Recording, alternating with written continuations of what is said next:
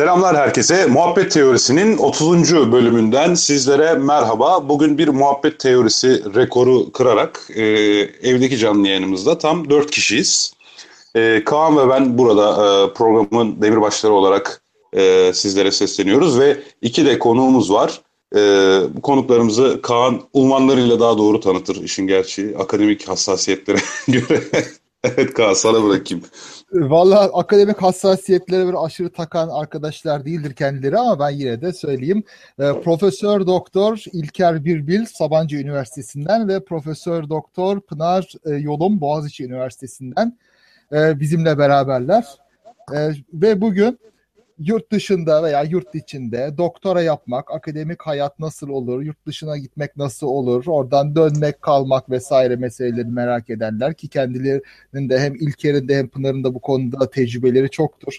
Hem kendi yaşadıklarından hem tanıdıklarından ve gönderdikleri öğrencilerden. Bizi kırmadılar. Bugün bu ilginç konu için geldiler. Hoş geldin Pınar. Merhabalar, hoş bulduk. Hoş geldin İlker. Selam hocam. Ee, bu benim ikinci şanslıyım ben. Evet, ha, evet onu hatırlatmak lazım. Ee, evet, İlker Evet İlker hocam e, bizi ikinci kere e, şereflendiriyor. Kendisi daha önce machine learning e, hususunda konuğumuz olmuştu. Sonra dedi ki ben çok sevdim programı bir daha katılabilir miyim dedi. Biz de Kaan'la e, tamam bir düşünelim falan dedik. Yok, şaka bir yana konu akademik hocam, mesele olunca bol kendinizce diye hatırlıyorum. E, tabii canım şimdi. Eğer varsa ben de bir kere daha gelmek istiyorum. Ya şimdi Pınar Hocam bu mesele şöyle bu radyo programı suyla dönmüyor. Hayır hayır. Yani, yani şimdi evde elektrik yakıyoruz, internet bağlatıyoruz değil mi Kaan? Tabii ki. Elektron yani. alıyoruz, elektron. Elektron yani o, kolay mı? Bak sırada, seti sırada diyor ki bilgisayarın işlemcisini benimle paylaşsana diyor. Uzay araştırmalarında. Ben dedim ki yok bugün programımız var vermiyorum yani öyle. Oo. Uzaylılar geldi diyorsun. istiyorlar bilgisayarı. Hadi bakalım. İstiyorlar vermiyoruz hocam. Evet, evet. şimdi şöyle e, Bol Bilim diye bir site e, var. Bol Bilim diye bir Twitter hesabıyla da destekleniyor. Ço çoğu takipçimiz muhtemelen takip ediyor. E, bunu İlker ve Pınar şey için yapıyorlar. Yani zaten bu akademi hususunda akademik kariyer yapmak isteyen kimselere çok kıymetli bilgiler sunan bir site. Dolayısıyla meselemiz de yurt dışında kariyer olunca zaten bu hususta daha iyi açıklayacak kimseler bulamayacaktık. Hı hı. İş bu sebeple hoş geldiniz hocam. Bir de ben hoş geldiniz diyeyim. Artık mikrofonu sonra yavaş yavaş size bırakalım. Anlaştık. Ee, yani şunu belki söylemek lazım. Bol bilimde biz başladık başladığımızdan bu yana e, hep düşündüğümüz şey yani bizim başımızdan ne geçiyorsa onu yazalım. Benzer şeyler başkalarının da başından geçiyordur dedik. Ve bir de e, şeyi söylemek lazım. Biz yazıyoruz ama sağ olsun bize destek atan arkadaşlarımız var.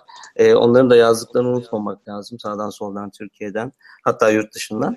E, umarım sorular da gelir bize. Biz sorulara da cevap veririz. E, Kaan zaten e, aklında bir iki soru var bildiğim kadarıyla. Kaan da yönlendirir bizi. Sorular da yönlendirir. E, konu güncel, konu değişen bir konu. Yani ben o yazıyı yazdığımda sağ olun onu şimdi e, dolaştırmışsınız. O yazıyı yazdığımdan bu zamana çok vakit geçmedi ama çok şeyler değişti tabii. E, onun için aslında hiç güncelliğini yitirmeyecek bir konu. Evet ama başlayalım isterseniz. Ee, ben de şey diyecektim şimdi herkes yazıyı okumamıştır. Ee, hani e, yani bir tek yazıya da e, sadık kalmamız herhalde gerekmiyor. Bir genel olarak bir yurt dışına gitme konusunu e, konuşalım. Ondan sonra hani bu değişimleri ya da yani değişim varsa e, onları konuşabiliriz isterseniz. Çok iyi olur. Yani yurt dışına gitmek, ya yani yurt dışına master için gitmek, doktora için gitmek. Aralarında ne fark var? Bir onu anlayalım. Ya hangisi daha kolay? Ya da hangisini yapmaya değer? Ne dersiniz buna? Evet. Şimdi ben başlayayım mı? Tabii tabii. Ee, şimdi bir kere şunu söyleyeceğim. Bunların bir tane doğru cevabı yok. Onu hemen ilk başta söylemek istiyorum. Çünkü e, disipline göre her şey çok değişebiliyor. E, aynı disiplinde değişik konulara göre e, bunlar farklı olabiliyor. Şimdi bence master'a gitmek mi kolay, doktoraya gitmek mi kolay? Bence doktoraya gitmek daha kolay. Çünkü doktoraya e, özellikle benim alanımda bilgisayar mühendisliğinde daha çok e, burs bulma, e, bir asistanlık bulma, e, imkanları var. Şimdi e, hani yurt dışına gitmekten kastımız tabii ki bir okulda master ya da doktoraya kabul almak birinci şart. E, fakat kabul aldıktan sonra da birçok okul e, özellikle Amerika'da e, ücretli e, ve e, bunun e, yani bunlar da büyük ücretler. Bunları hani kendi cebinizden karşılayabiliyorsanız zaten e, hani o hayat biraz daha kolay tabii. E, fakat genelde e, birçok e, birçoğumuzun yaptığı gibi diyeyim, birçok öğrencinin de istediği gibi bir asistanlık bulmak istiyoruz. Bu asistanlık bulma işi de şuna tekabül ediyor. Hem aylık bir e, maaş almış oluyorsunuz bir yaptığınız bir asistanlık işine karşılık olarak hem e, okul ücretini ödemekten kurtuluyorsunuz. E, bir şekilde yani hani hem orada doktorayı yapıyorsunuz hem de e, hayatınızı döndürmüş e, oluyorsunuz. E, çok büyük olasılıkla e, master için bu tür imkanlar yok e, doktora için çok daha fazla en azından onu söyleyebilirim. E, onun için bence doktoraya gitmek e, daha kolay. Bir ikinci sebebi e, hani imkanların ötesindeki bir ikinci sebebi e, birçok öğrenci lisansını bitirdiği zaman e, çok fazla akademik çalışma yapmış olmuyor. Yani genelde e, gene hani bilgisayar mühendisliğinden örnek verirsem dördüncü sınıfta biraz başlamış olur. Bir bitirme projesinde değişik bir şeyler çıkmış olabilir. Ama master'a başvurma zamanı bile o bitirme projesinin başında. Yani hani karşı tarafa başvuru sırasında ben şöyle iyi bir akademisyenim, bu şöyle ümit vaat ediyorum diyebileceği elinde olsa olsa bir not ortalaması olur. Ee, hani o da aslında derslerde iyi olduğunu gösteriyor ama çok da özellikle bir araştırma yapabildiğini göstermiyor. Halbuki doktoraya başvuracağı zaman bir master yapmış olacağı için e, en azından bir makalesi çıkmış olabilir, bir bildirisi çıkmış olabilir, bir tez yazmış olacak. E, e, bir yerde bir konferansa sunmuş olacağı için belki bir bildiriyi orada birileriyle tanışmış olacak bir e, profesyonel bir ağın içinde olabilir. E, bir belki bir projede yer almış olabilir. Bütün bunlar tabii doktora için, e, doktoraya kabul almak için önemli şeyler. Biraz daha e, insanın kendisini gösterebileceği, işte ben böyle bir insanım diyebileceği e, e, şeyler olabilir. E, şimdi bir arkadaş postdoc konusunu sormuş. E, İlker sen de postdoc açısından söyle evet. istersen. Ya biz tabii sırf sözü elimize almayalım ama hani e, soru geldiği için taze taze ben biraz söylemeye çalışayım. E, postdoc ve e, Türkiye'de doktora yapan arkadaşlar özellikle ben doktora öncesinde de imkanlar ne varsa değerlendirmesi taraftarıyım. Yani doktora yaparken gitmek e, buna da işte predoktoral diyorlar. İşte doktora e, sırasında yapılan araştırma bir de doktora sonrası var. E, her durumda gitmek lazım. Ama o konu isterseniz şey diye konuşabiliriz belki sonra. Hani doktora var ama bir yandan da e, uluslararası camianın bir parçası olmak için başka yerlere gitmek de önemli. Yani bu başka üniversiteler, başka insanları tanımak.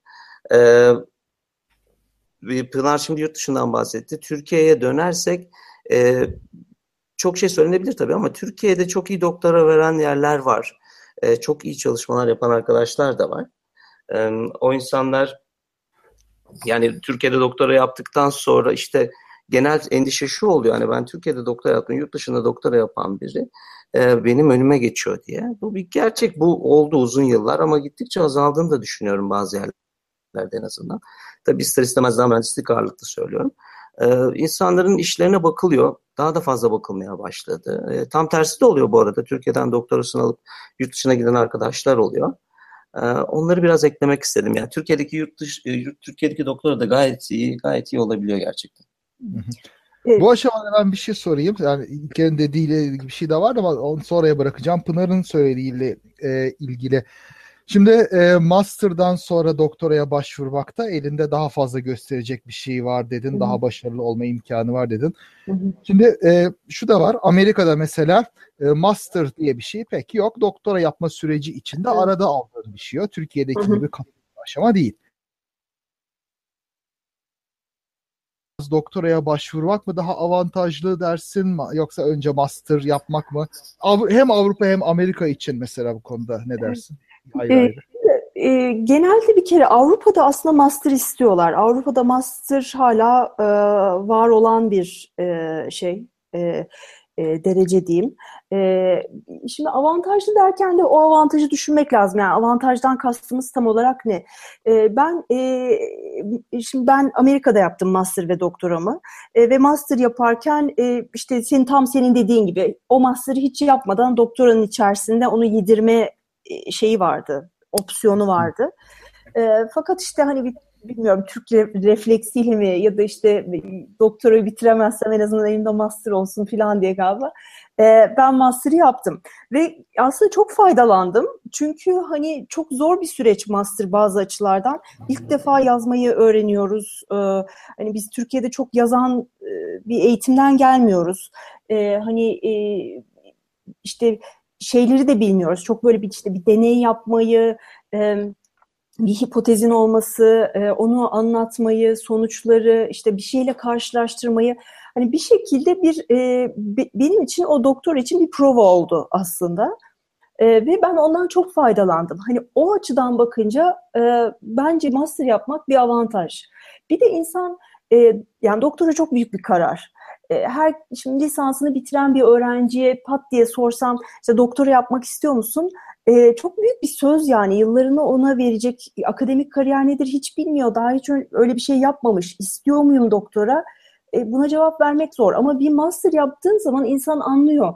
E, ben buna devam etmek istiyor muyum? böyle bir şey. E, ya da ben bu işten çıkmak mı istiyorum? Hani çıkabilirim e, şu anda bir e, şey var bir çıkış var bundan diye. E, bence o açıdan e, master yapmak avantajlı ama süre olarak bak, bakıldığı zaman e tabii master yapmak e, işte mesela işte iki yıl e, minimum birçok zaman 3 yıl olabiliyor. E, onun üzerine doktorayı ekliyorsun işte hani 4 yıl, 5 yıl, bazen 6 yıl bile olabiliyor. E, bu sefer insan şey diye de düşünebiliyor. Ya bu ne, ne kadar uzadı bu iş. Ben bu hiç master yapmadan atlayıp da yapabilirdim. E, süre olarak tabii sırf doktora yapmak belki daha avantajlı ama bence getirdiği fayda açısından iyi bir master yapmak, e, yani proje gibi bir master'dan bahsetmiyorum. Avrupa'da o çok var çünkü. E, böyle bir şey veriyorlar, mesela bilgisayar mühendisliğinde gene bir proje veriyorlar. İşte bir, bir şeyleri e, aslında hocanın yaptığı bir şeyin bir parçası. Sen onu kodluyorsun, işte... E, 6-8 haftada ondan sonra da raporunu yazıyorsun işte master diye sayılıyor. Ondan bahsetmiyorum ama böyle bizim Türkiye'de yaptığımız master e, aslında gerçekten e, başa sonu belli olan bir şey, bir çalışma. E, birçok zaman hani öğrencinin ilgisine göre çok zorladığımız öğrencileri oluyor. ondan yayın çıkarıyoruz. hani iyi öğrencilerin gerçekten master'da makaleleri çıkıyor. E, şimdi bu iyi bir şey. E, hani benim birçok öğrencim de orada bir durup kendi kendilerine e, soruyorlar yani ben buna devam etmek istiyor muyum, istemiyor muyum diye. E, bence o açıdan master yapmak avantajlı. Bir de aslında Kaan önemli bir şey söyledi. Hep Amerika'yı konuşmayalım tabii. Avrupa'yı da konuşuyoruz ama e, Amerika'da şunları da biliyorum ben. E, insanlar e, doktoraya kabul alıyorlar, gidiyorlar ve o süreç zarfında aslında e, akademisyen olmak istemediklerine karar veriyorlar ve e, bir tez yazıp ya da işte bir, bir bitirme projesi gibi bir şey hazırlayıp bazı üniversitelerde masterlarını alıyorlar sadece. E, bu da mümkün. Onun için Kaan senin sorunun e, cevabı eğer akademisyen olmaya yönelikse çok acele edilmemesi taraftarıyım ben. Seninle daha önce de konuşmuştuk bunu hatırlıyorum. E, ama hani e, tabii ki çok parlak olup da oradan doktoraya gitmek isteyenler oraya da vardıktan sonra çok mutsuz olurlarsa e, muhakkak yani master bir seçenek o şekilde. Peki şimdi şunu da sorayım. Siz hem e, o güzel yazınızda şunu dediniz. E, Türkiye'de de çok iyi doktora yapılabilir diye az önce de onu tekrarladın zaten. Ama bunun genel olarak geçerli olmadığını biliyoruz. Şimdi e, bir yerde master doktora yaparken iyiye kötüden nasıl ayırt edeceğiz? O, ve tabii bu muhakkak bu problem Amerika, Avrupa'da doktoraya gitmek isteyenler için de geçerlidir. İyi bilim yapılan ve yapıl, çalışma yapılması arzu edilen bir yere kötüsünden nasıl ayırt ederiz? Ne dersiniz? Ee, şöyle en başından bence e, yerden çok kimle doktor yapacağınız önemli diye düşünüyorum ben. Bir e, bir öğrenci hangi konuya ilgi duyuyorsa o konuda çalışan hocaları e, bence araştırmalı. E, ve o hocaların yayınlarına bakmalı. Yani bu hoca ne, ne tür akademik çalışmalar yapıyor? Bunları nerelerde yayınlamış? En son yayını hangi yılda?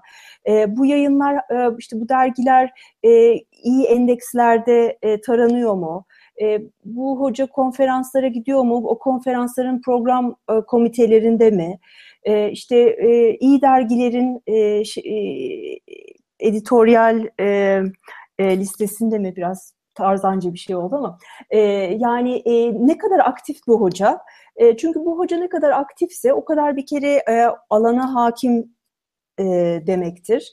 E, ne kadar başka bir şey, ne kadar e, e, sık doktora öğrencisi mezun ediyor ya da e, hani belki sıklıktan çok işte doktor öğrencileri ne oluyor? Çünkü e, onlara ne olduysa e, muhtemelen işte e, size de olacak. E, aynı şekilde düşünülebilir. E, bence benim hani e, hep öğrencilere söylediğim şey bu her alanda sadece master doktora için değil ben lisansta da bunları e, söylüyorum. Çok fazla öğrenci gelip bize işte şu bölümü yazayım mı diye de soruyor. E, yani e, şimdi o bölümü anlamanın en iyi yolu o bölümdeki hocaları anlamak. Yani o bölümdeki hocalar e, işte e, güzel yayınlar yapıyorlarsa, aktiflerse demek ki o bölümde bir şeyler oluyordur. E, o hocaların e, buldukları bu araştırmaların sonuçları derslere giriyordur. Yani derslerde demek ki son e, zamanlarda bulunmuş şeyler öğretiliyordur. Eski şeyler değil, yeni şeyler öğretiliyordur filan. Yani e, hocayı anlamak bence e, benim açımdan hani en önemli bir de e, konu. E, o hocanın diğer öğrencilerine de bakmak lazım. O da çok önemli aslında. Yani bir kere Türkiye'den gitmiş başka öğrencileri olabilir şanslıysanız. E, onun dışında e, yani öğrencileri eğer şeyse e, iyi yerlere yerleşmişse e, öğrencilerine sahip çıkıyorsa mesela daha çok yakın bir zamanda konuşuyorduk e, hani biz e, Pınar'la da e, insanın doktora öğrencileri aslında onun biraz da reputasyonu. Sonuçta nerelere gidecek? Amerika'da çok böyle hani en ilk 30 okulda olmayan ama çok iyi öğrenciler yetiştirmiş insanlar da var. Aynı şekilde burada da o tür şeyler var. Yani bu bizim e, Türkiye'de de var. E, dolayısıyla hocaya, hocanın öğrencilerine hani nasıl akademik başarısına bakılıyorsa bir yandan da hocanın öğrencilerine de erişmeye çalışılabilir. E, doğrudan yazılabilir hatta yani sorulabilir. Nasıldır onunla çalışmak? Onun laboratuvarında halihazırda çalışan biriyle de konuşulabilir. İnsanlar genellikle bu konularda oldukça açık sözlü oluyorlar e, tahminlerin aksine. Yani onu kalkıp işte olduğuna dair göstermeye gayret etmiyorlar. Ve e, bu bence ülkeden bağımsız bir şey Kaan senin de dediğin gibi. Yani Türkiye'de de aynı yöntemle e, bir hoca bulunabilir. Amerika'da da yani Amerika'da da çok iyi bölümlerde bir, pek iş yapmayan hocalar bir şekilde e, kalmış olabiliyor. E, Türkiye'de de olabiliyor. Tam tersi de böyle küçük bir yer hani çok iyi bilinmeyen bir bölümde gerçekten pırlanta bir hoca da olabiliyor. E, onun için ülkeden bağımsız bence e, hani hoca. bu işi hoca önemli. Bu birlikte yapacağız. E, şimdi tabii her alanda e, yani alanlar arasında farklılık olabilir. Tabii bazı alanlarda da e, bir ekipman vesaire de gerekebilir. Yani işte, işte bir, bir takım laboratuvar işleriniz olabilir. İşte çok e, e, enteresan bir aletin işte olması gerekiyordur. Tabii onlar da o kaynakları da bakmak e, önemli. Ama o kaynaklar da olduktan sonra e, bence iş hocada e, bitiyor. Bir de İlker'in dediği gibi e, hocanın öğrencileriyle konuşmak bence çok anlamlı. E, çünkü e, mesela hoca aynı zamanda çok zorlayan bir hoca da olabilir. E, ya da işte e, hiç ortalıkta olmayan hiç ortalıkta olmayan bir hoca da olabilir. Yani çalışma stili e, bir öğrenciye uymayacak olabilir. Mesela ben benimle çalışmak isteyen öğrencileri gidin öğrencilerimle konuşun diyorum. Çünkü ben ne kadar anlatsam da o, o kadar gerçeği e, yansıtamayabilir hı hı. ya da yani hani tam ben onlara kendim farkında değilimdir mesela ne kadar çok istediğimin ama öğrencilerim farkındadır. E, onun için e, hani gerçekten faydalı bir pratik bu. Evet. Şimdi e, gelen tabii sorular var. O sorular üzerinden gitmek de güzel olur. Geliş evet. sırasına göre mesela sorayım. Türk öğrencilere bakış açısı nedir şimdi bu yurt dışında diye güzel bir soru gelmiş. Amerika olsun, Avrupa olsun. Burada herhalde özel olarak yüksek lisans, doktora yapan öğrencilere yani orada toplumda olsun, üniversitede olsun e, bunlar e, sosyal olarak bazı sıkıntılar çekebiliyorlar mı? Dışlanma gibi bir yani belki günlük hayatta da olabilir bu sadece üniversite ortamında olmayabilir. Ülkesine göre de tabii değişebilir. Sizin tecrübeleriniz veya yakınlarınızın tecrübeleri nasıl bu konuda? Ya aslında genelleme yapmadan ülke bazında ben söyleyebilirim.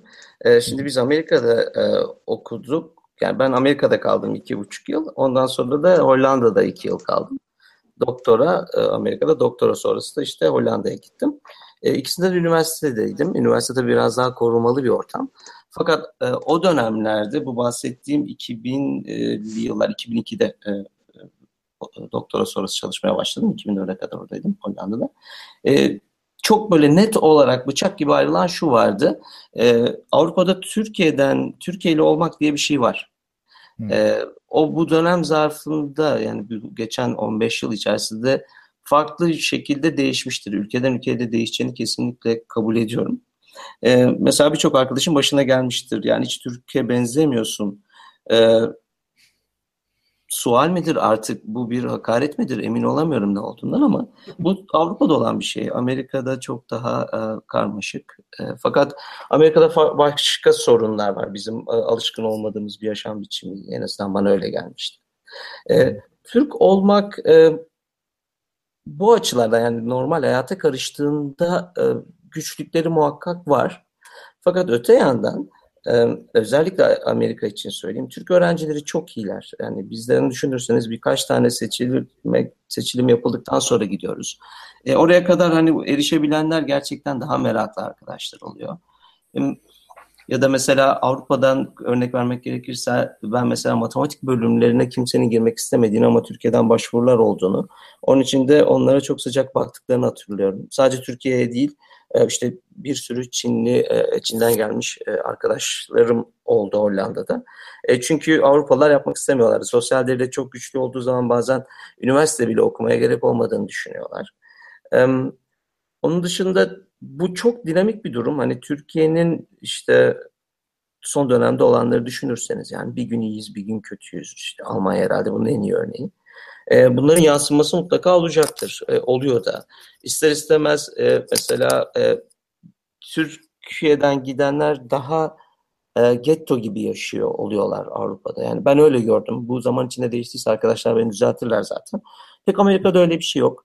E, Amerika'da beğeniriz beğenmeyiz daha eğitimli arkadaşlar var. Dolayısıyla onların e, toplum içinde bulundukları pozisyon daha farklı, daha dağılmış haldeler. Ama hani e, işte Almanya'yı sırtlayan biliyorsunuz 60'larda 70'lerde gitmiş e, abilerimiz, amcalarımız var. E, onların bulundukları pozisyon, onların kendilerinin getto ulaşması. Ve dolayısıyla sizin de işte bunların, e, bu grupların içinde sadece yer aldığınızı düşünüyor oluyorlar. O garip sorular da belki ondan geliyor. E, evet hatta belki biraz burada çok... ben bölerek hocam katkıda bulunayım. Tabii tabii, tabii çok iyi olur. Yani ben e, böyle %70 nüfusu yurt dışında olan çok meşhur bir ilçenin şey yani memleketim orası benim. Hatta belki Hollanda'ya da ünü gelmiştir sen bilirsin. Emirdağ diye bir yer vardır. Afyon'un Emirdağ ilçesi. Belçika'da ha, şey diye bana hatırladım. Belçika'da şey diye sorarlarmış yani Emirdağ mı büyük, Türkiye mi büyük falan filan diye. O söylediği şeyde etki yani sırf şey için daldım lafı aslında sessizce dinlemeyi tercih ediyordum da yanlışım varsa düzeltin diye. Gettolaşma tabirin doğru. Mesela Brüksel'de bütün Türklerin neredeyse neredeyse bütün Türklerin e, yaşadığı yer e, tek bir caddedir neredeyse. Tek bir mahalledir. Hatta o mahallenin dışında ev alan insanlar kendilerini o gettodan kurtulmuş gibi bir şekilde e, tarif ederler. Yani o bir sosyal statü atlaması gibi falan da lanse edildiği olur onun. Yani e, o Josafat, evet. e, Şikarbek denen yerde Josafat Caddesi'nden çıkıp işte Brüksel'in Ever kısmına taşınmış olmak o gettodan çıkmak gibidir biraz. E, bir de dediğin gibi hani işin gerçekten getto tabiriyle tanımlayacağımız kısmı da orada böyle neredeyse 100-150 yıllık binalarda e, sit alanı olarak korumaya alınmış ve ancak izinle tadilat yapılabilecek binalarda yoğunlukla yaşıyor göçmenler ve işte Türkler de orada aynı şekilde aynı yoğunlukta yaşıyorlar. Hı hı. Belki işte bu 1960-70'lerdeki ilk işçilerin gittiği zamanlardaki imajdan ötürü evet dediğin gibi bir üniversiteli profil, bilim insanı profili gelince e, mevcut şemaya örtüşmüyor. Yani burada bir şema var aslında. E, ya gerçekten. Yani o şe- şemayla örtüşmüyor tabii. O bu arada bu de- değişiyor. Mesela biz yıllar sonra geçtiğimiz yaz tekrar gittik Hollanda'ya. E, orada artık üçüncü jenerasyon var. E, bu insanlar kendilerini e, oralı hissediyorlar. Tabii ki işte köklerimiz, insanlar bu, buralara geldiler falan biliyorlar büyükleri ama oralı hissediyorlar ve oralı gibi de yaşıyorlar. Dolayısıyla benim bu söylediklerimi dediğim gibi bir filtreden geçirmek gerek. Ee, şimdi Çağrı diye bir arkadaş da şeyi yazmış. Ee, Türkiye'den gelenler de o kadar kaliteli e, değil. Almanya için söyle. Almanya için söylemiş pardon. Ee, Şimdi Amerika için ben bir şey söylemek istiyorum. Şimdi Amerika'da e, hiçbir şey dengesi yoktur. İş, hayat dengesi diye bir şey yoktur. Doktora öğrencisi e, seviyesinde. Yani tek olay çalışmaktır. E, onun için de hani eğer siz e, işte asistan olarak, araştırma asistanı ya da işte ders asistanı olarak işinizi iyi yapıyorsanız kimse size de bir işte sen Türksün, Türk nedir, niye böyle filan öyle şeylere girmezler genel olarak. Çünkü onların esas e, olayı işle ilgili. E, yani çok çalıştırırlar. O, o işi de iyi yapıyorsanız zaten sizin size kimsenin bir şey diyecek hali yok. İyi yapıyorsunuz yani her şey e, birçok şey orada e, bu değer üzerine yani bir işi iyi yapıyor musun, yapamıyor musun? Ee, öyle olduğu için ben hani Türklere karşı Amerika'da özellikle bir negatif bir şey olduğunu düşünmüyorum. İyi, işini iyi yaptığın sürece. Ee, çok alışkınlar bir de galiba. E, bir de dünyanın her yerinden çok insan geliyor. Herkes yabancı yani zaten. Hani hangi birini e, dışlayacaklar? Ee, öyle bir şey yok. Ee, özellikle yani bazı alanlarda e, ki mesela benim e, alanım öyle bir alandı. Hani benim sınıfımda zaten işte Çinliler, Hintliler bir de ben vardım yani hani e, hani kimi yani çok Amerikalılar olur bir tek sen Türk olursun seni dışlarlar falan yani öyle bir olay yok zaten herkes yabancı herkes çalışıyor iyi yapan kazanır yani bu budur bence Amerika'nın e, felsefesi. Ya biraz da Amerika ulus devlet olmadığı için genel olarak kültürde insanları e, ülkelerine göre ayırmak gibi temel bir bakış açısı olmadığını varsayıyoruz değil mi? Yani oraları siz gördünüz. Kaan da gitti Amerika'ya. Yani hani e, Amerika'da bence Amerika Avrupa'daki şeyler Amerika kadar kozmopolit değil ya. Amerika'da her yerden her türlü insan var. Yani e, şimdi mesela bizim Hollanda'da olduğumuz bölümde çoğu Hollandalıydı. E, işte bir iki tane de yabancı vardı. Öyle olduğu zaman hani o yabancılar nereden, nasıl işte plan e, onlara bakılıyor. Ama herkes zaten başka bir şeyse böyle bir e, e, Hoş çoğu... değişiyor Amerika arkadaşlar yani. Trump, Tabii değişebilir yani ama Trump mesela e, kadar daha evet, göremedik. Evet, İlker'in e, İlker Amerika'da doktora yaptığı zaman e, onun çalıştığı ofiste e, herkes Çinliydi. E, İlker'e derlerdi ki buradaki tek yabancı sensin. E, yani hani onlar, onlar yani, o kadar olayı şey yapmışlardı ki Çok ezildim, çok. çok gülerdik buna böyle. tek yabancı sen. Evet, sorulardan devam edebiliriz isterseniz. Devam edelim. Mesela e, daha sonra cevaplamak üzere bazı soruları atlayabiliriz. Mesela iki soru var. Bunları birleştirerek anlatabilirsiniz. E, akademisyen olmak iste, olmaya e, e erken yaşta karar vermiş insanlar olabilir. Üniversitede bir, birinci sınıftan itibaren nelere önem vermek lazım doktoraya hazırlık için? Yabancı dil, doktora, not ortalaması, aktiflik vesaire diye sormuş Atakan Atakan. Furkan Acar'ın sorusu da bunu tamamlayıcı. Yurt dışında master ya da doktora için temel adımlar neler, nasıl olmalı? Matematik özelinde soruyor ama genel olarak da bir cevap verebilirsiniz. Yani akademisyen olmaya daha küçük yaştan diyeyim böyle 18-19 yaşında karar vermiş birisi evet. kendini buna nasıl hazırlamalı, önündeki 4 yılı nasıl geçirmeli, ondan sonra nasıl atlayışı yapmalı ne dersiniz? Kaçıp kendini kurtarmalı. Erken. Ee, yok şaka yapıyoruz tabii ki İlker. Emin ee, değilim yani. E, Sen, ben, tamam ben, ben anlatıyorum. Bir tamam, dakika. Tamam, ee, bence en, en önemli şey e, temelini sağlam tutmak. Yani lisans temeli her şeyin e, özü. E, lisansını iyi yapmadan e, iyi bir master, iyi bir doktora yapmak bence çok zor. Ancak insan e, eğer iyi bir temel almadıysa bu sefer master doktora da bir daha geri dönüp o lisansı tekrar kendi kendine öğrenmek zorunda kalıyor. E, bu birçoğumuzun başına değişik şekillerde geldi.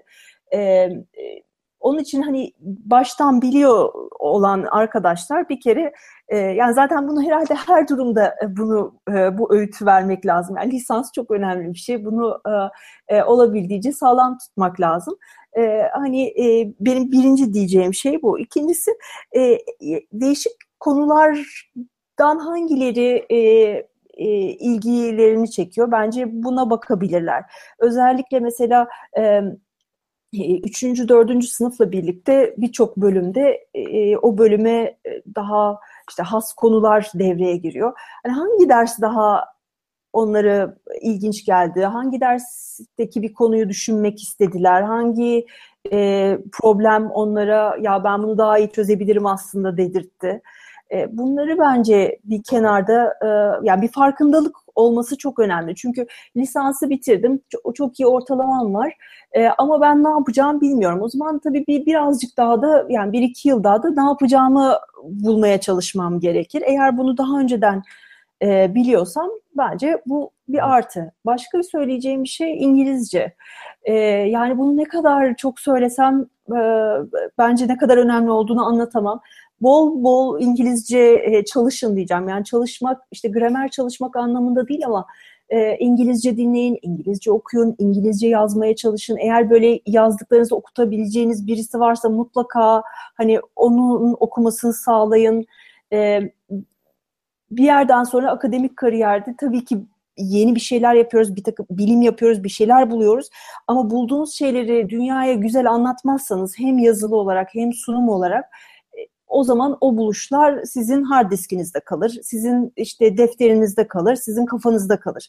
Ee, bir şeyi tabii ki çok iyi yapmak önemli ama bir o kadar da o iyi şeyi e, dünyaya anlatabilmek önemli. Bu da pat diye olmuyor. E, bunu gerçekten öğrenmek çok vakit alıyor.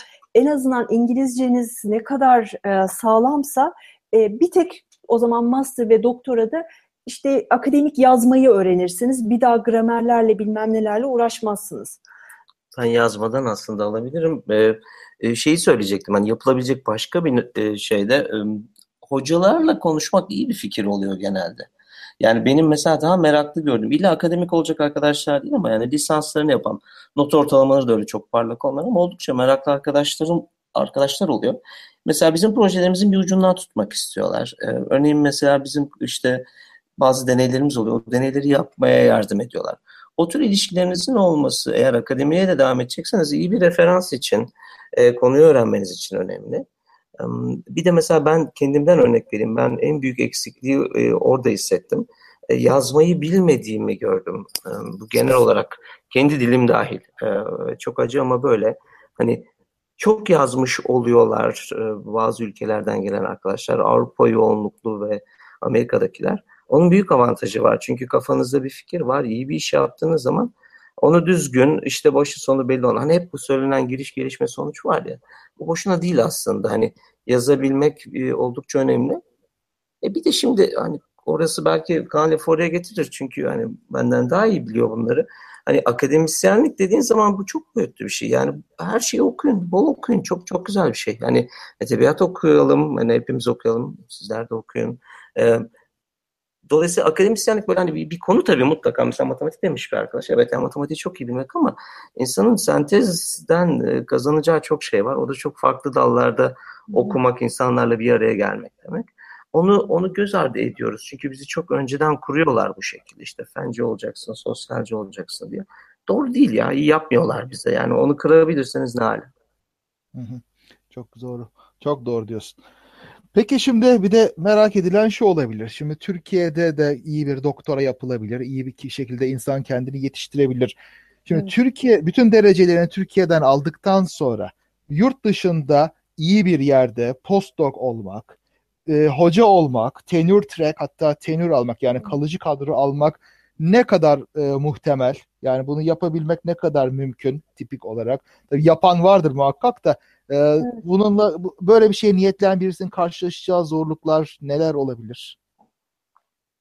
Yani bence oldukça mümkün. Eğer gerçekten iyi bir doktora yaptıysanız, yani doktoranın nerede yapıldığından çok iyi olup olmaması, o iyi olup olmamasını da, da nasıl ölçüyoruz, ne kadar iyi yayınlar çıkarttınız, e, bu tamamen anahtar. E, şimdi e, zaten hani Türkiye'de doktora yapan arkadaşların çoğu e, özellikle e, e, hani postdoka yurt dışına gitmeye çalışıyorlar. İyi yayınları olanlar e, çok iyi yerlerde pozisyon buluyorlar. E, ve e, iyi bir postdoka gittiğiniz zaman, iyi bir üniversiteye postdoka gittiğiniz zaman bu bir e, işte merdiven çıkmak diye gibi de bakılabilir. Oraya bir kapağı attıktan sonra zaten orada da iyi şeyler yapacaksınız. İyi bir yerdesiniz. Zaten artık e, araştırma yapmayı öğrenmişsiniz. iyi bir konuya hakimsiniz. Yazmayı biliyorsunuz. E, eğer çalışırsanız hani postdokta da tabii ki e, birçok makaleniz çıkacak, konferanslara gideceksiniz vesaire. E ondan sonra zaten niye bir e, şey tenure track e, pozisyon bulamıyorsunuz? Hani o aşamada mesela geri Türkiye'ye gelen de çok arkadaş var, gelmek isteyen. E, yurt dışında iş bulup e, orada kalanlar da var. E, bu yani hani bunu şey yapmak istemiyorum. Böyle küçümseyerek yani çok kolay tabii canım elini sallasan ellisi havasına getirmek istemiyorum. Tabii ki çok büyük bir efor ama e, açıkçası şu anda Türkiye'de akademik kariyer e, yapmak da çok zor. E, yani hani pozisyonlar genel olarak dünyada iyi üniversitelerdeki pozisyonlar az sayıda. Hani eğer işte bir yerden başladıysanız iyi bir e, kariyere bunu devam ettirerek bu pozisyonlar için e, elinizden geleni yapabilirsiniz. Tabii ya şimdi e, bu tür bir şeyleri söylediğimiz zaman yani daha böyle pozitif konuştuğumuzda ya da işte optimist diyelim hani benim kendi alanımla da ilgili olsun. Öyle konuştuğumuz zaman e, insanlar hemen şeyi söylüyorlar. Ya canım 3 kişi yurt dışında gitti hoca oldu. İşte 300 kişi de olamadı. Doğru. Ama bunda yapacak bir şey yok. Burada bence bakılması gereken gerçekten böyle insanlar var. Bu insanlar gittiler. Ben sırf kendim tecrübemden son yaklaşık galiba 3 yılda falan 4 tane arkadaşın e, yurt dışında hoca olduğunu biliyorum. E, bu sırf yani bilgisayar mühendisliği, endüstri mühendisliği gibi bizim alanlardan. Eminim başka alanlardan da vardır. Yani bunları çok duymuyor oluyoruz bir kere. E, bu mümkün. E, Pınar'ın dediği de çok doğru. Yaptığınız işle ölçüleceksiniz. E, kimlerle birlikte çalıştınız? Kimlerle ilişkileriniz var? E, bunlara bakılacak. E, şimdi sorulara bakıyorum da soruları belki kaçıracağız diye endişe ettiğim için olabilir. Merak ederim. E, şey, e, Ama sen de bak. Şey, şeyden unutacağım diye çekiniyorum. Kaan valla senin dişini kapmışım gibi oldu ama yok, arkadaşlar bazı ülkeleri ülkeleri falan soruyorlar. Ee, bazılarını tabii ki biz ben önce örneğin bilmiyorum ama biz e, bir kere bir böyle tefrika yapmıştık şeyde e, Bol Bilvin Twitter hesabından da farklı ülkelerdeki insanlar tecrübelerini yazdılar. Ne kadar iyi becerip toparladık bilemiyorum ama e, o, oraya da bakabilirler çünkü bunlar bazı soruların şeyi e, cevaplarını bilmiyorum ben yani. Evet bir de şimdi şunu söyleyeceğim hani 3 oldu 300 olamadı belki diyorsun ama e, şimdi bu bir tek hani Türkiye'ye özel bir şey de değil yani birçok ülkeden e, işte Amerika'ya başvurular oluyor diyelim ki hoca olmak için. E, orada da az sayıda pozisyon var. E tabii her ülkeden belirli sayıda olacak. Yani herkes de o, orada yani 300 tane iş yok ki e, 300'ü de gidebilsin. E, yani burada önemli olan işte hani o yayınları yapmak. Şeyler çok önemli tabii ki her alanda olduğu gibi akademik alanda da kim kimi tanıyor, kim kimin öğrencisi, e, kim kimle birlikte e, makale yazdı. Yani bu ağ, akademik ağ çok önemli bir şey. Onun için e, hani her alan, her disiplinde eşit derecede önemli mi bilmiyorum. Bilgisayar mühendisliğinde e, inanılmaz önemli. Konferanslara gitmek, makale yani konferans bildirisi e, bir e, dergi makalesinden daha değerli birçok zaman. E, çünkü insanlar konferanslarda tanışıyorlar, birlikte e, işte tartışıyorlar. E, birileri sizin ne kadar işte değişik fikirleriniz olduğu ya da ne kadar yaratıcı olduğunuz, şu konuya ne kadar hakim olduğunuzu görüyor. E, öyle olunca gidip siz onun bölümüne başvurduğunuz zaman tabii ki sizin için ya bu çok iyi bir insan, bunu alalım diyor. E, herhalde birçok işte de bu zaten e, böyle oluyor. E, onun için hani e, sağlam olmak lazım, e, sağlam tutmak lazım yayınları ve e, akademik hayatı. Şimdi ben bir şey sormak istiyorum. Az önce tenure track e, dendi. Hem bir soru da vardı hem de siz açıklarken dediniz ama ben bu kavramı herkesin bildiğinden emin değilim. En azından ben bilmiyorum. Evet. Pardon, Nedir pardon, hocam pardon. tenure track? Evet. Şöyle, e, tenure track e, Amerika'da e, genelde bir e, e, yardımcı doçent olarak işe başladığınız e, zaman e, iki türlü başlamış olabilirsiniz. Ya e, bir e, belirli bir süre e, sözleşmelisinizdir. E, derler ki iki yıl sonra da bakacağız ne olacağını. E, ya da tenure track diye bir şekilde başlayabilirsiniz. Tenure track genelde 6 yıl süren bir süreçtir. Gene genelde ilk 3 yıl sonunda bir değerlendirme yapılır. Sonra da 6. yılın sonunda ana e, bir değerlendirme yapılır. E, ve eğer bu 6 yıllık süreçte siz yeteri kadar yayın yaptıysanız, yeteri kadar e, işte o bölüme para getirdiyseniz, işte iyi öğrenciler yetiştirdiyseniz vesaire her bölümün kendine göre başka baktığı şeyler vardır. 6 yıl sonunda tamam siz bu işi iyi yaptınız derlerse size tenure verirler ve genelde bu noktada doçent olursunuz. Şimdi tenure verdikleri zaman Bundan sonra ömür boyu o okulda hoca olmaya hak kazanmış olursunuz. Ancak böyle bir e, işte ne bileyim hırsızlık falan yaparsanız sizi atabilirler. E, onun dışında e, sizin siz zaten kendinizi göstermiş ve işte o okula çok faydalı olmuşsunuz demektir. Şimdi böyle bir hayat garantisi olduğu için birçok zaman e, ilk, ilk söylediğim sözleşmeliden ziyade bu tenure track işlere e, girmeye çalışır e, insanlar. E, bu yani mesela Amerika'da değişik tür de üniversiteleri olduğu için işte araştırma üniversitesi var, daha e, eğitim odaklı üniversiteler var. Her üniversitede yani hemen hemen her üniversitede tenure track e, vardır.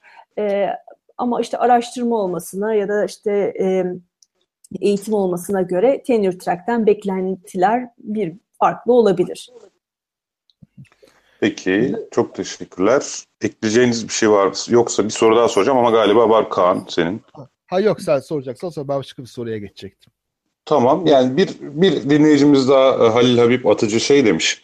Yani okulu geç bitirmenin akademik e, seçimde yani hani e, mülakatlarda ya da sonuçta özgeçmişleriyle başvuruyor insanlar bir şekilde.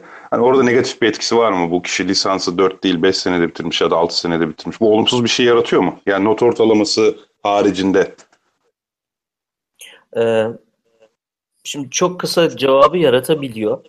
Ee, yani ama bu engel olunacak bir durum değil. Bir de zaten artık eğer notlar o kadar iyi gitmediyse ben ve o, o dönemki en yakın arkadaşım sonucu mezun olduk galiba bölümden. E, 40 kişi mezun yok 35 kişi falan mezun olduk galiba. E, dolayısıyla ben bile yapabildim diyorsun. Ben bile yaptım. Yani evet o bir dalgınlığa geldi. 35'i 3,5 falan görmüş olabilirler bilemiyorum. Ama yani şunu demek istiyorum. O zaten eğer notlar olmadıysa bir şeyle terazinin diğer kefesini doldurmak lazım. Yok yok nottan ziyade burada geç bitirirsem korkusu daha çok sanki hocam. Yani not yani notu bir şekilde anladım. kurtardık Bence, diyor ama yani 5 senede bitirdim ya da 6 senede bitirdim lisansı. Bu bana olumsuz bir etki yapar mı? Ya, çok bir sorunu olmaz ama yani genellikle 5-6 yılda bitiren arkadaşların not ortalaması e, işte 4 üzerinden 3'ün altında oluyor. Yani 100 üzerinden 75'in altında oluyordur e, diye tahmin ederek ben bunu söylemiştim.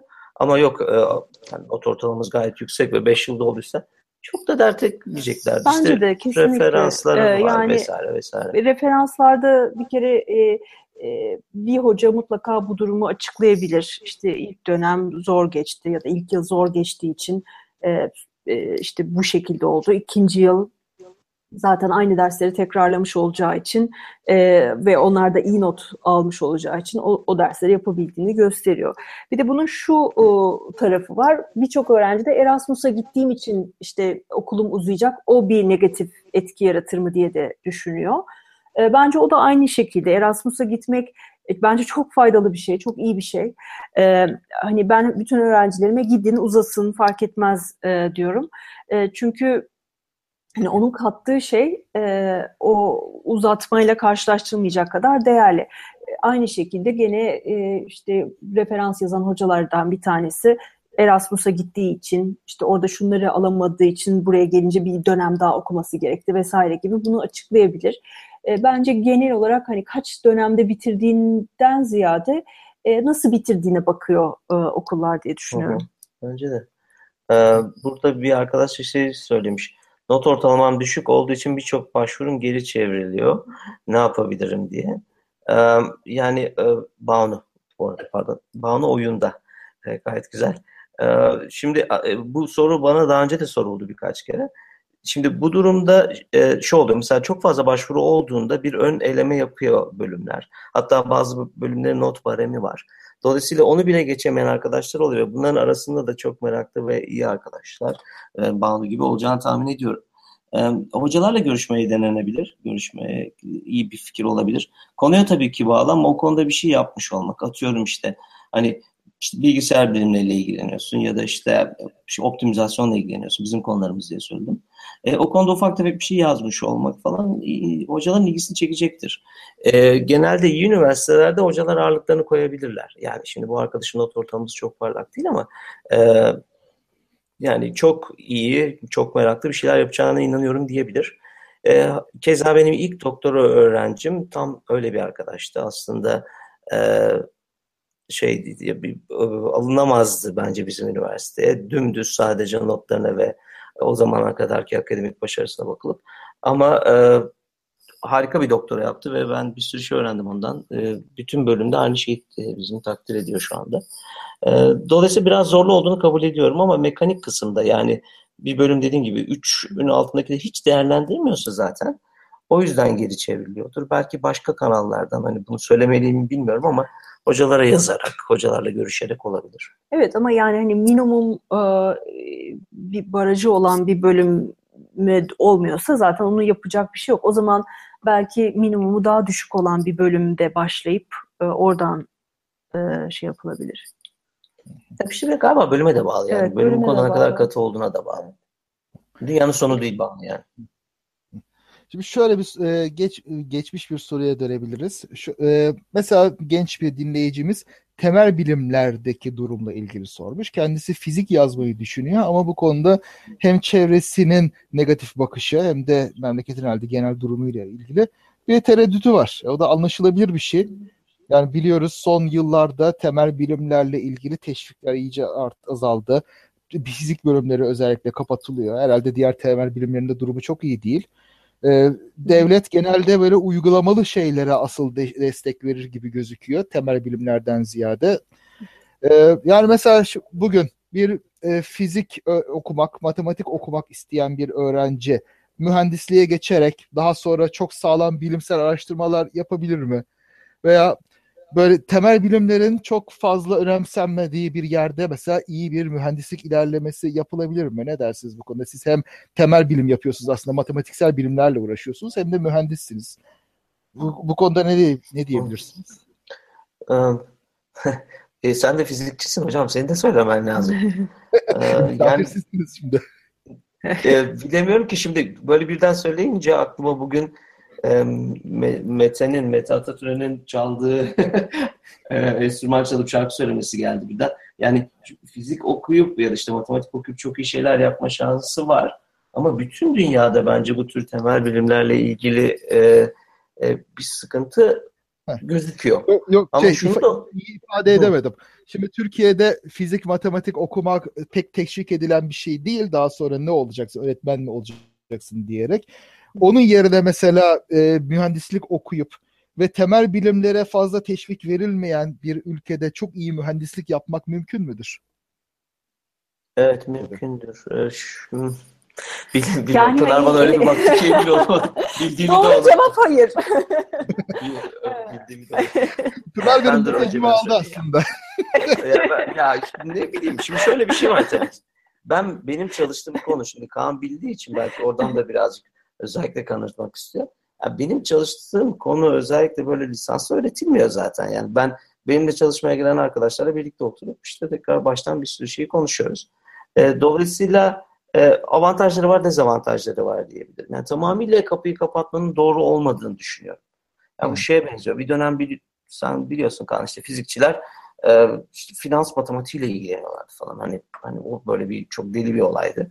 E, dolayısıyla birçok şey yapabilirler. Ama sanırım bu arkadaş şey gerçekten fizik okumak istiyor ama oradan önünün kapalı olacağını düşünüyor. Normal. E, yok ben Kaan'ın sorusunu şöyle anladım. E, genel olarak diyelim ki temel bilimlerde e, işte öğrenci yetiştirmiyoruz, orada araştırmalar yapmıyoruz. Diğer tarafta da mühendislikte bir takım şeyler yapıyoruz. Şimdi temel bilimleri e, bu kadar öksüz bırakmışken mühendislikte ilerlenebilir mi? E, Hayır. Ha, şimdi tamam pardon pardon bambaşka bir şey. Ben ne anlattım ya o zaman? evet tamam tamam. Yok abi olmaz mümkün değil. Valla benden daha iyi ifade etti Pınar. Helal olsun. evet evet. Şimdi, e, mümkün değil. Yani bu bu gerçekten aymazlığıdır hükümetlere. E, bu bir tek burada olmuyor. Başka yerlerde de olduğunu biliyorum. Mesela Hollanda'da da vardı. Demin onu söyledim. E, bu, bu merkezi sistemde hemen ona bakarlar. İşte kaç kişi burada okuyor, okumuyorsa şey yapalım falan filan. Bu, bu çok yanlış. Mümkün değil. Temel bilimler olmadan olmaz. Peki bu düzelebilecek gibi midir? Ne dersiniz? Ya ileride bu de- değiştirilir mi bu yoksa bu şekilde devam edecek mi bu gidişat ne gibi? Yani tabii bu sadece temel bilim problemi değil. Üniversitelerin genel problemi. Bileşik Evet. kaplar sonuçta. Hı hı. Evet. Evet, zor Vallahi, soru. evet. Ama mesela o, o havuzun genişleyeceğini de konuşmak lazım belki de. Yani sonuçta mesela kodlama çok daha yaygın olacak e, diyoruz. Şimdi herkes işte kafaya takmış durumda 3 yaşındakilere kodlama öğreteceğiz falan filan diyor da bir üniversitelerde de bunu yaygınlaştırsak keşke. E, Hı. dolayısıyla hani o temel bilimlerin de belki biraz tanımını değiştireceğiz. Üniversitenin biraz tanımı değişecek. E, fakat ne olursa olsun e, bu dallar olmadan onun üzerine bir şey inşa etmemiz mümkün değil ki. Hı hı. Doğru. Dolayısıyla bunu daha geri çekmek isteyebilirsin, bunu lisede yapabilirsin vesaire belki ama ne olursa olsun o dallar olmadan mümkün değil. Evet şimdi bir de Twitter'dan e, aktar, aktarayım. E, Semih Sunkar belki tanırsınız. Kendisi Japonya'da. E, bu özellikle yurt ben sizin söylediklerinizi paylaşıyordum ara ara Twitter'da da. E, bu Pınar'ın yurt dışına takip doktoraya edemiyoruz bu arada. e, şey ben o, o söylediklerinizi buradan metin olarak akıtıyorum hocam. Oo süpersin hocam. Yani geri alma şansınız kalmadı. Yok. hale geldi yani. Neyse Semih de şöyle bir cevap vermiş. Ee, ben özellikle Pınar'ın şey e, söylemini paylaşmıştım. Hani yurt dışına doktora gittiğinizde araştırma görevlisi olma, bu sayede okula para vermeme, gelir elde etme imkanı olduğu için yüksek lisanstan daha cazip oluyor falan demiştiniz ya. Bu buna yani bu biraz e, doğru değil çünkü her ülke için geçerli değil. Eğitim dili İngilizce değilse zaten dile hakim olunmadan araştırma görevlisi asistan olmak güç diye bir itiraz etmiş. Devamında da uygulamalı bilimlerde bazı laboratuvar araçlarının kullanımı için izin ehliyet gerekli. Bunu edinmeden de zaten araştırma görevlisi olarak çalışmak zor diye bir katkıda bulunmuş. Olabilir. Oo, çok güzel. Doğrudur. Ben hani Avrupa, Amerika gibi şey yaptım. Orada söyledim. da olabilir tabii yani onu da bilmiyorum. Mesela bir laboratuvarda çalışmak için bir Tabii tabii ehliyete orada da laboratuvar, olabilir. hayır, dil açısından e, şey yaptım. Ama herhalde Avrupa'da Doğru tabii bazı ki yani ülkeler- her alanın Mesela bir İspanya'da özel bir şeyi olabilir. herhalde. Çok zorlu olur. Yani hani e, İspanya'da tabii ki e, İngilizce biliyordur hocalar ve belki hayatını idame ettirebilirsin ama gündelik hayatta daha zorlanacağım mesela en basitinden. E, Tabii belli. tabii öyle gündelik bir bariyeri mutlaka aşmak Hı hı. gerekiyor. Bu arada bir dinleyicimiz de boşuna okuyorsunuz ölüm var demiş. Ya. Doğru. Ka- kapa- kapatıp gidelim programa o zaman. Değil mi yani? Boşuna yaşıyorsunuz ölüm var. Tamam yani. Değil mi o zaman yani? Boşuna nefes alıyorsun, yemek yiyorsun oluyor. Evet. e, Peki e, herhalde vaktimiz azalıyor ama belki bir şeyler daha sorabiliriz bir iki bir şey daha. Mesela benim e, merak ettiğim şey şu bir, bir öğrenci akademik merakı olan bir öğrenci doktoraya gidecek. Bir konuda uzmanlaşacak tabii ki ondan sonra. Ne konuda uzmanlaşmak istediğini ne kadar bilmeli? Yani e, şunu demek istiyorum. Tabii hiçbir şey bilmeden önüne gelen herhangi bir konuya atlamak da yanlış. Önceden böyle ince inceden inceden inceye planlamak da yanlış. Bunun dengesi nedir mesela? Şu, şöyle de geliyor aklıma. Mesela lisanstayken ben bizim aldığımız dersler fizik dersleri tabii temel derslerdi ve bunlar e, araştırma alanlarına uzak şeylerdi. Bu araştırma alanının sınırlarını lisanstan çok sonra öğreniyor insan. O yüzden de e, çalışacağı soruya mesela lisanstayken karar veremiyor. Belki alandan alana değişir bu tabii. Şimdi birisi Bence de bir alandan öğrenci alana çok değişiyor. Ne kadar yani e, ben bunu yapacağım demeyle buradaki esnekliği ne kadar olmalı? Genel alana mı karar vermeli yoksa bir araştırma sorusunu kendisi mi arayıp bulmalı yoksa hocasından mı beklemeli? Nasıl bir denge vardır burada? E, Yani şimdi lisans seviyesinde bir kere dediğine katılıyorum ama alandan alana da çok değişiyor. Mesela bilgisayar mühendisliği bizim bölümde dördüncü sınıf derslerinde çok sayıda seçmeli ders var.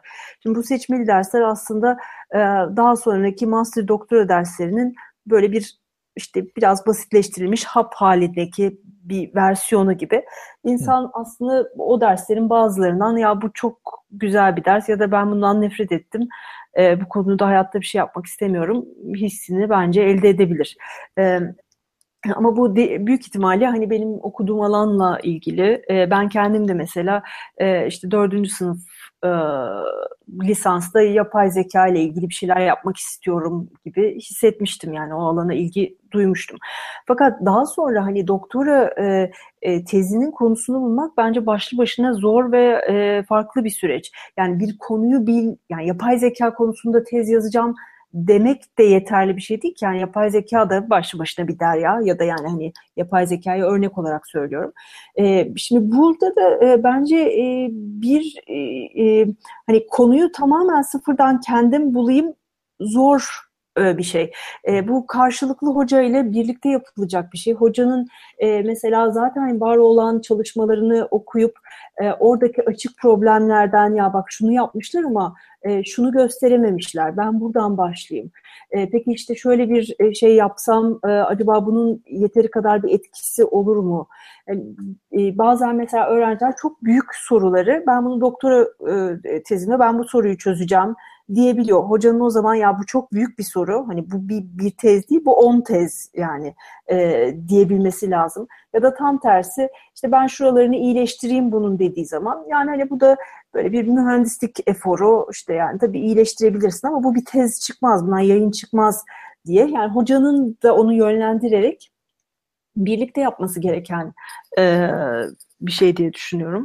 Evet. E, ya şimdi sanırım merakı diri tutmakla da ilgili bir şey. Onun için bazı insanların e, ne bileyim maymun iştahı oluyor bu konuda. Ben kendimi daha çok onlara benzetiyorum. Hatta burada Çağrı diye bir arkadaşım sorusu var. Yani ona da belki kabaca cevap vermiş olurum. Hani genel olarak her şeyden anlamak mı iyi yoksa e, bir uzman olup işte en iyi işte çalışmak mı falan. Yani lisans seviyesinde bazı arkadaşlar bir sürü şeye e, ilgisi olabilir. Bu onun merakını diri tutabilir. E, bununla örtüşecek bir doktor hocası. Yani onu gerçekten konsantre olmasına yardımcı olacak bir hocayla çalışması faydalı olabilir. Bunun, bunun için de şey söylemiştik zaten. Hani e, diğer hoca, hocanın öğrencileriyle falan konuşabilir. Bazı arkadaşlar da tek bir konuya çok yoğunlaşmıştı ve hocası şey diyebilir yanı sıra şunu da öğrenmen gerekecek.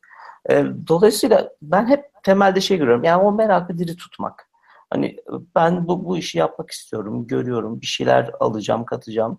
Ee, yani bir de bunun tabii romantik bir tarafı da var. Yani biz hepimiz e, bu topraklardan çıkmayız. Bu topraklarda e, yetiştik. Bir süre insanın emeği var bizim üzerimizde. Biz de gelip geriye bir şeyler ver, vermek e, istiyoruz. E, buradan yurt dışından vesaire.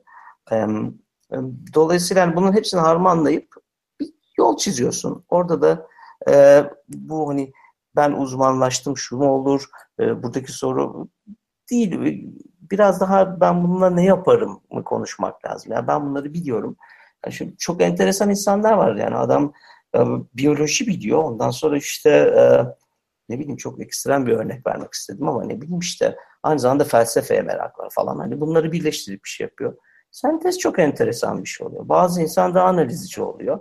Hani bir problem mi inceliyor ve aslında şurasına bakılmamış deyip oradan daha derine gidiyor. Ve o zaman içinde gelecektir ya. Hani o merakı tuttuktan sonra ben onun geleceğini düşünüyorum size. Peki bu burada tabii pratik bir problem de çıkıyor karşımıza. Ee, e, Birçok yerde bir araştırmacının bütçesi belli bir projeye başvurduktan sonra geliyor ve aldığı öğrenciyi de ona göre o projeden desteklenerek alıyor. Evet. Bu durumda o öğrenci o projeyle ilgili bir soruda çalışmak zorunda kalabiliyor mu? Yoksa belli bir özgürlüğü oluyor evet. mu Avrupa, Amerika gibi yerde? Yani e, hani şimdi belirli bir özgürlüğü tabii olabilir ama hani o projede çalışmak üzere alındıysa e, hani ister istemez o projeyle ilgili bir şeyler yapacak. Birebir hani sorusu o, eline verilmiş olmayabilir e, ama e, aşağı yukarıda bir çerçeve ortada demek ki var proje yazıldığına göre ve bir para alındığına göre. E, şimdi bu durumda e, e İkisini de yani ben ben ayrı ayrı şeyler. Evet aslında. doğru. İlker ayrı şeyler. Sen anlat istersen. Evet, evet. Yani ben e, araştırma asistanı olarak gitmiştim ve bir projede çalışıyordum. O projedeki işimi yapıyordum. Ama bir yandan doktor tezimin hiç alakası yoktu o konuyla. E, Pınar'ınki daha çok örtüşüyordu değil mi? Doğru mu Benimki daha çok örtüşüyordu. Ee, ama mesela bende de şöyle bir şey olmuştu. Ee, benim çok istediğim bir konu vardı fakat o konudaki para bitti. Ee, ondan sonra hani hocam da bana dedi ki istiyorsan bu konuda devam et ama para öbür projede, öbür projenin de işlerini yap. Ee, o zaman da iki iş yapmam gerekecek. Yani hani e, hem doktora kendi istediğim doktora tezini yapacağım hem öbür projeyi yapacağım. E, bana o yani zamansal olarak yapabilecek gibi hissetmedim ben onu. E, o zaman konumu değiştirdim, projeye döndüm. E, ama e, bir şekilde böyle şey gibi de hissetmedim. Ah hayatımın sorusuydu, ben onu kaçırdım. E, bambaşka bir şeye düştüm gibi de hissetmedim. E, bir şekilde bilmiyorum ben doktora tezini çok şey yapmıyorum e, ya önemsemiyorum demeyeyim. Tabii ki çok önemli ama insanın sonuçta bütün hayatı boyunca çalışacağı tek konu bu değil. E, yani burada aslında doktora bir süreç öğreniyorsunuz araştırma yapmayı.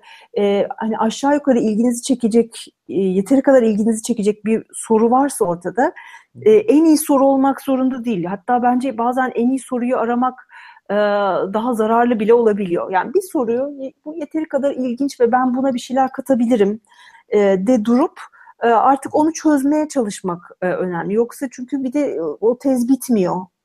Kız, tabii doktora tezinin üzerinde de pardon lafını kestim ama doktora tezinin üzerinde de yazıyor. Bu kısmi e, bir e, bitirilmesi gereken şey. Yani e, kısmi şeyi yeterli. bu. Yani yeterli bu doktorayı alman için derslerini alıyorsun vesaire kendini gösteriyorsun. Bir kısmı da tez diyor. Ve ben mesela o zamanlar çok e, şeyi hatırlıyorum. Ya doktora ne zor işmiş arkadaş yani sürekli işte buna bakıyorsun gecen gündüzün birbirine giriyor vesaire vesaire. E sonra hani hoca olduktan sonra o kadar çok bölünüp o günleri özlediğim zamanlar çok oldu açıkçası. E, onun için Pınar'ın söylediğiyle birleştirsek bitmiyor bu iş arkadaşlar. Yani hep, hep başka bir problemin peşine düşüyorsun. Bazı problemler maalesef e, o kadar fazla ekmek yedirmiyor size. Yani hani herkes ister dükkanı yeri açmak ama o olmuyor bazen. Onu da işte toparlayıp o zaman gönderiyorsunuz. Bazen kenara atıyorsunuz. Yani benim e, yani hakemden dönmüş, işte revize etmemizi istemiş ve işte onu bile yapmadığımız işlerim de var. Bir fikir var, iyi olduğunu hala düşünüyorum. Kaan'a paslamaya çalışıyorum, bir türlü paslayamıyorum gibi şeyler var yani. Evet. E, vaktimiz de yavaş yavaş doluyor. Belki son bir e, soruya vaktimiz olabilir. Son evet. sorumu da ben sorayım bari hocam. Hadi sor hocam. Yani şu an 31 yaşındayım, 32'ye basacağım. Doktoramı yapıyorum. yani 32, 33 yaşımda doktoramı bitirmiş olacağım. Doktor ünvanımı almış olacağım. O saatten sonra artık e, postdoklu şuydu buydu derken akademik kariyere devam etmek için artık yaş geçti mi? Yoksa böyle bir şey yok mu? Böyle bir şey yok. Yok. Ee, yani ne var ki bunda? Yani hani birçok insan zaten e, bir kere ara veriyor. Ee, yani o çok e, ben benim çok gördüğüm bir şey. Özellikle Amerika'da çok gördüğüm bir şeydi. E, benim sınıfımdaki birçok arkadaşım benden çok e, büyüktü.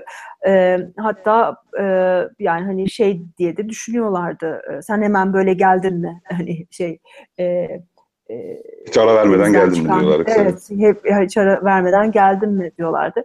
E, sonuçta o tecrübenin de insana kattığı çok farklı bir perspektif var. Ben mesela kendi e, alanımda bu master sırasında böyle birçok insanların çalıştığı problemi pek şey yapamıyordum yani içselleştiremiyordum. Yani niye bu zor ki filan. E, çünkü böyle bir hayat tecrübem yok ya da işte bir e, endüstri tecrübem yok. E, yani başka bir tecrübem yoktu. E, ama e, hani o, o tecrübenin olmasının da kesinlikle çok önemli bir katkısı var.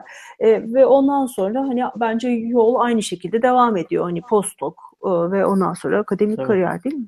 Evet yani çok ileri yaşlarda belki akademik pozisyonlar bulmakta zorluk çekilebilir ama yani bu yaştan değil bahsettiğim. Yani insanlar mesela 50 yaşında doktora yapmaya karar veriyor.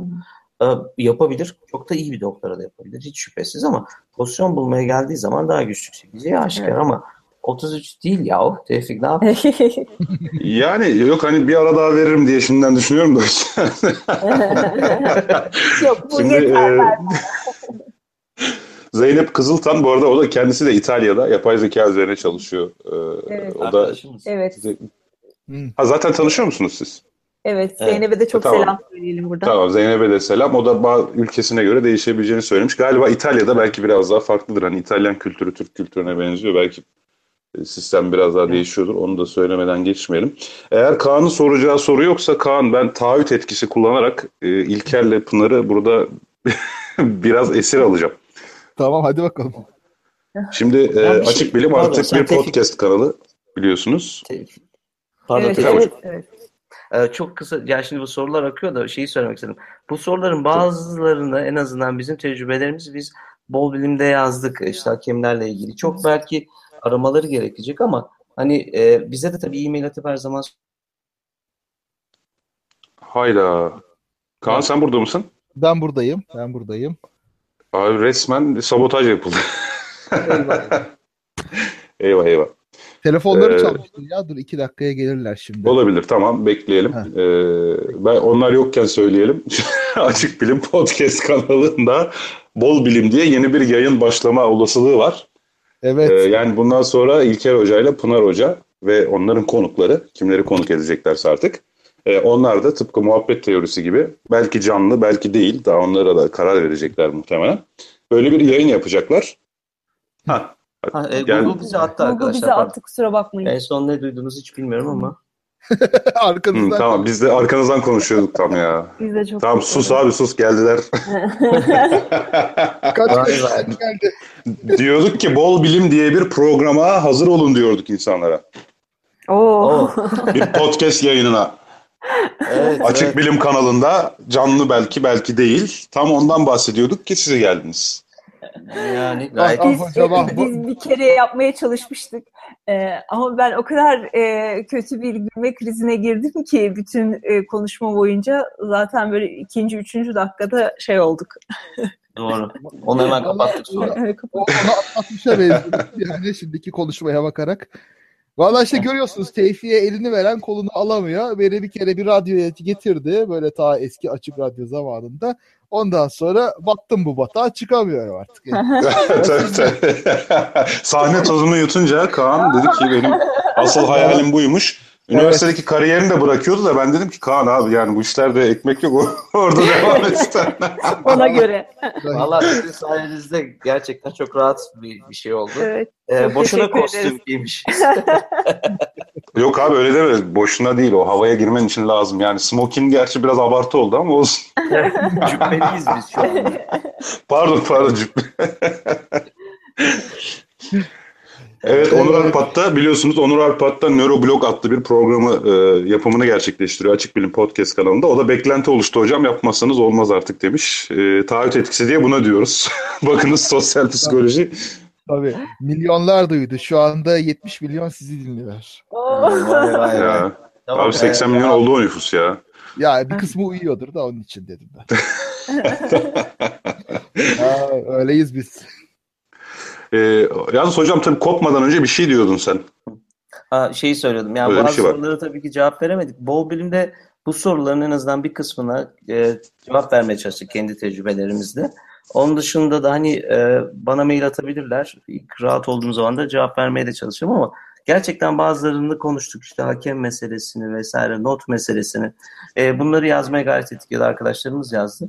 Bakarlarsa e, en azından bir onlara başlangıç olur diye düşünüyorum. Sadece onu söyleyecektim. Evet, bolbilim.com'u e, takip listemize e, alırsak oradan çok şey öğrenebiliyoruz. E, tekrar tekrar bolbilim.com onu duyurmuş olalım. Yine aynı şekilde bir Twitter hesabı var. O da direkt bolbilim şeklinde. E, Sağ ol, kendi, kendi adıyla. E, durum budur. Hocam çok çok teşekkür ederiz sizlere. Biz Tabii teşekkür program ederiz. boyunca merak edilmiş olabilir. Magazinel bilgiyi de verelim. Niçin ikinizle konuştuğunuzda hep İlker Birbil fotoğrafı çıkıyor diye.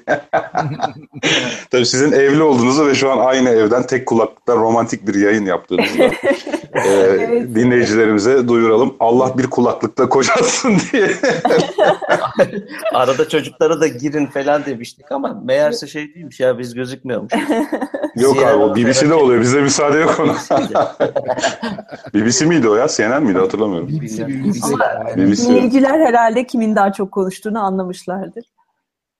Bir dakika. anladık anladık.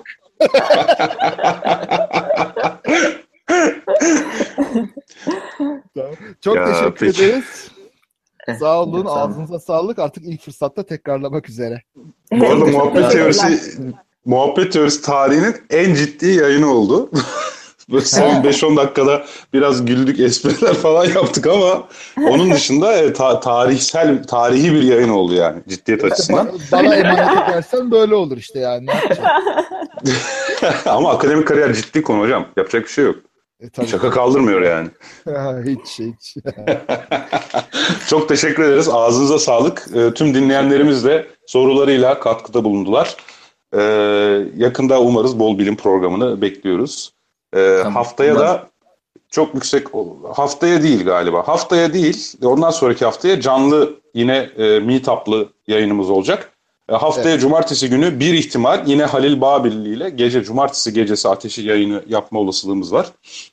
E, bunları da dinleyicilerimize kapatmadan evvel duyuralım. E, herkese saygılar, selamlar. Sizlere de Kaan, İlker, Pınar çok teşekkürler. Biz Çok teşekkür teşekkürler. ederiz. Sağ olun. Hoşçakalın. Hoşçakalın. Osmani Mecmuası'nın 3. cüzünün 1912. sayfasına bakabilirler efendim.